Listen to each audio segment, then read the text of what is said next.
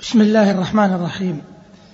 الحمد لله والصلاة والسلام على رسول الله.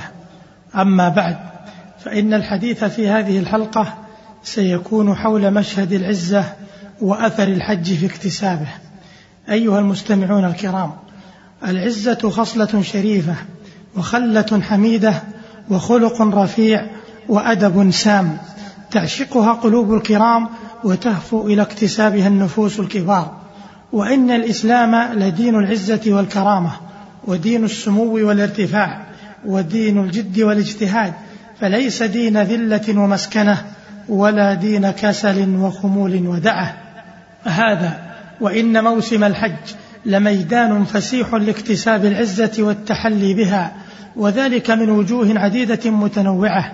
فالحاج على سبيل المثال ينال هذا الخلق من جراء حجه وتركه لبعض شهواته المباحة فضلا عن المحرمة فتراه يدع النساء والطيب والزينة إلى غير ذلك وهذا يبعثه إلى الترفع عن الدنايا ومحقرات الأمور ويطلقه من أسر العادات وأهواء النفوس. وينال العزة كذلك من جراء بعده عن الجدال والمراء والجهل والرفث والصخب والإساءة إلى الناس امتثالا لقوله تعالى الحج أشهر معلومات فمن فرض فيهن الحج فلا رفث ولا فسوق ولا جدال في الحج. وإذا كان الحاج كذلك حفظ على نفسه عزتها وكرامتها ورفعها عن مجاراه الطائفة التي تلذ المهاترة والاقداع وينال المؤمن العزة في هذا الموسم العظيم من جراء حجه وكثرة أعماله الصالحة وانقطاعه عما سوى الله تبارك وتعالى. وهذا هو سر العزة الأعظم إذ ينال بسبب ذلك عزة نفس وزيادة إيمان واتصالا وقربا من الرحمن ولله العزة ولرسوله وللمؤمنين. وينال المسلمون العزة من الحج بسبب تحقيق الأخوة الإسلامية في الحج. فالرب واحد والقبلة واحدة والمشاعر واحدة واللباس واحد والمناسك واحدة والزمان واحد فهذه الأمور وغيرها تجتمع في الحج وهي مدعاة للإحساس بوحدة الشعور وموجبة للتآخي والتعاون على مصالح الدين والدنيا. وهذا بدوره يضفي على المسلمين عزة وجلالا وهيبة ووقارا.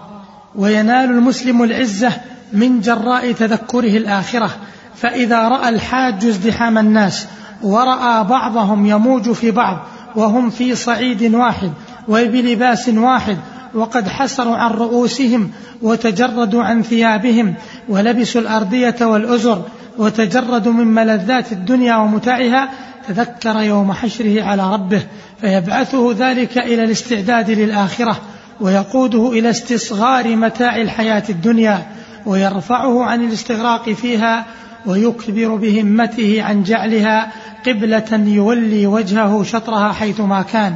وهكذا يستفيد الحاج من هذه الحكمة العظمى درسا يقوده إلى الكرامة وينأى به عن الذلة والمهانة. وينال المؤمنون العزة في هذا الموسم كذلك بسبب كثرة إنفاقهم وإحسانهم إلى الفقراء والمعوزين. وذلك إما بذلا مباشرا أو من خلال الهدايا والقرابين. قال الله عز وجل والبدن جعلناها لكم من شعائر الله لكم فيها خير فاذكروا اسم الله عليها صواف فإذا وجبت جنوبها فكلوا منها وأطعموا القانع والمعتر فالقانع هو الفقير الذي لا يسأل تقنعا وتعففا والمعتر هو الفقير الذي يسأل فكل منهما له حق فيها. وفي ذلك صيانة للوجوه من السؤال وإنقاذ لكثير من الناس من عوز الفقر وذلة الحاجة اللذين قد ينجرفان بهم إلى فساد الأخلاق وضيعة الآداب. وهكذا يتبين لنا أثر الحج في اكتساب العزة سواء للأفراد أو للأمة. وما أحوجنا وما أحوج أمتنا إلى هذا الخلق العظيم.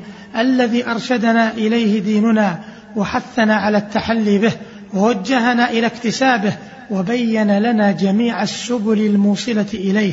ومن مظاهر تربية الإسلام للمسلمين على هذا الخلق أن وجههم إلى إفراد الله بالمسألة دقت أو جلت كثرت أو قلت. ومن ذلك توجيه المسلمين إلى الكسب المباح عن طريق الكدح والعمل والمشي في مناكب الأرض حتى يعف الإنسان نفسه ويستغني عن غيره كما وجههم في المقابل إلى أن يترفعوا عن مسألة الناس ونفرهم من ذلك الخلق الذميم إلا من كان مضطرا أو متحملا حماله أو من أصابته جائحة أو فاقة أو نحو ذلك.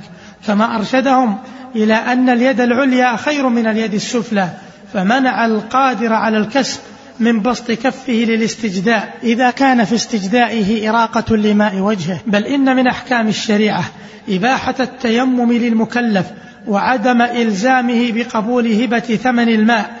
لما في ذلك من المنة التي تنقص حظا وافرا من أطراف الهمة الشامخة. بل ومنها عدم إلزام الإنسان باستهابة ثوب يستر به عورته في الصلاة. صيانة لضياء وجهه من الانكساف بسواد المظالم ومن الأحكام. القائمة على رعاية هذا الخلق أن التبرعات لا تتقرر إلا بقبول المتبرع له إذ قد يربأ به خلق العزة عن قبولها كراهة احتمال منتها والمنة تصدع قناة العزة فلا يحتملها ذو مروءة إلا في حال ضرورة. ولا سيما منة تجيء من غير ذي طبع كريم أو قدر رفيع. ثم إن الشريعة أرشدت المسلم إذا أخذ المال أن يأخذه بسخاوة نفس ليبارك الله له فيه وألا يأخذه بإسراف وهلع وتعرض وذلة وإشراف. وإذا اتصف المرء بعزة النفس وفرت كرامته وارتفع رأسه وسلم من ألم الهوان وتحرر من رق الأهواء وذل الطمع ولم يسر إلا على وفق ما يمليه عليه إيمانه والحق الذي يحمله. ولهذا تجدون أن أشد الناس عزما ومضاء هو أنزههم نفسا وأبعدهم عن الطمع وجهه. ثم إن عزة النفس تلقي على صاحبها وقارا وجلالا ومكانة في القلوب وذلك مما تنشرح له صدور العظام. وإنما يعاب الرجل إذا جعل هذه المكانة غايته المنشودة دون أن يكون الحامل عليها رضا الله ومن ثم نفع الآخرين. وكما أن للعزة أثرا في الأفراد فكذلك لها آثار صالحة في الأمة. فالأمة التي تشرب في نفوسها العزة يشتد حرصها على أن تكون مستقلة بشؤونها غنية عن أمم غيرها وتبالغ في الحذر من الوقوع في يد من يطعن في كرامتها. أو يهتضم حقا من حقوقها معاشر المسلمين.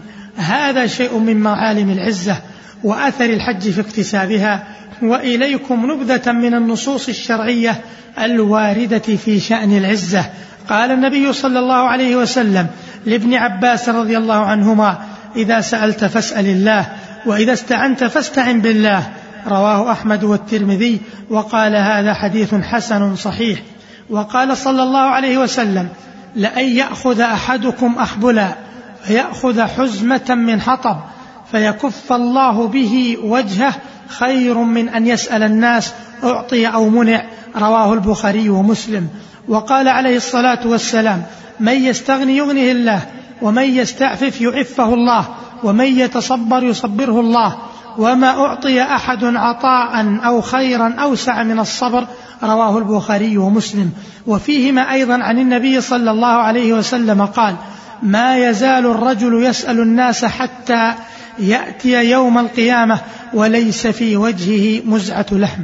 وفي صحيح مسلم عن النبي صلى الله عليه وسلم قال من سأل الناس تكثرا فإنما يسأل جمرا. فليستقل أو ليستكثر. بل لقد أوصى عليه الصلاة والسلام نفرا من أصحابه ألا يسألوا الناس شيئا. ففي صحيح مسلم عن عوف بن مالك الأشجعي أنه لما بايع النبي صلى الله عليه وسلم مع طائفة من أصحابه قالوا فعلى ما نبايعك؟ قال على أن تعبدوا الله ولا تشركوا به شيئا. والصلوات الخمس وتطيعوا. وأسر كلمة خفية ولا تسألوا الناس شيئا. قال عوف فلقد رأيت بعض أولئك النفر يسقط صوت أحدهم فما يسأل أحدا يناوله إياه.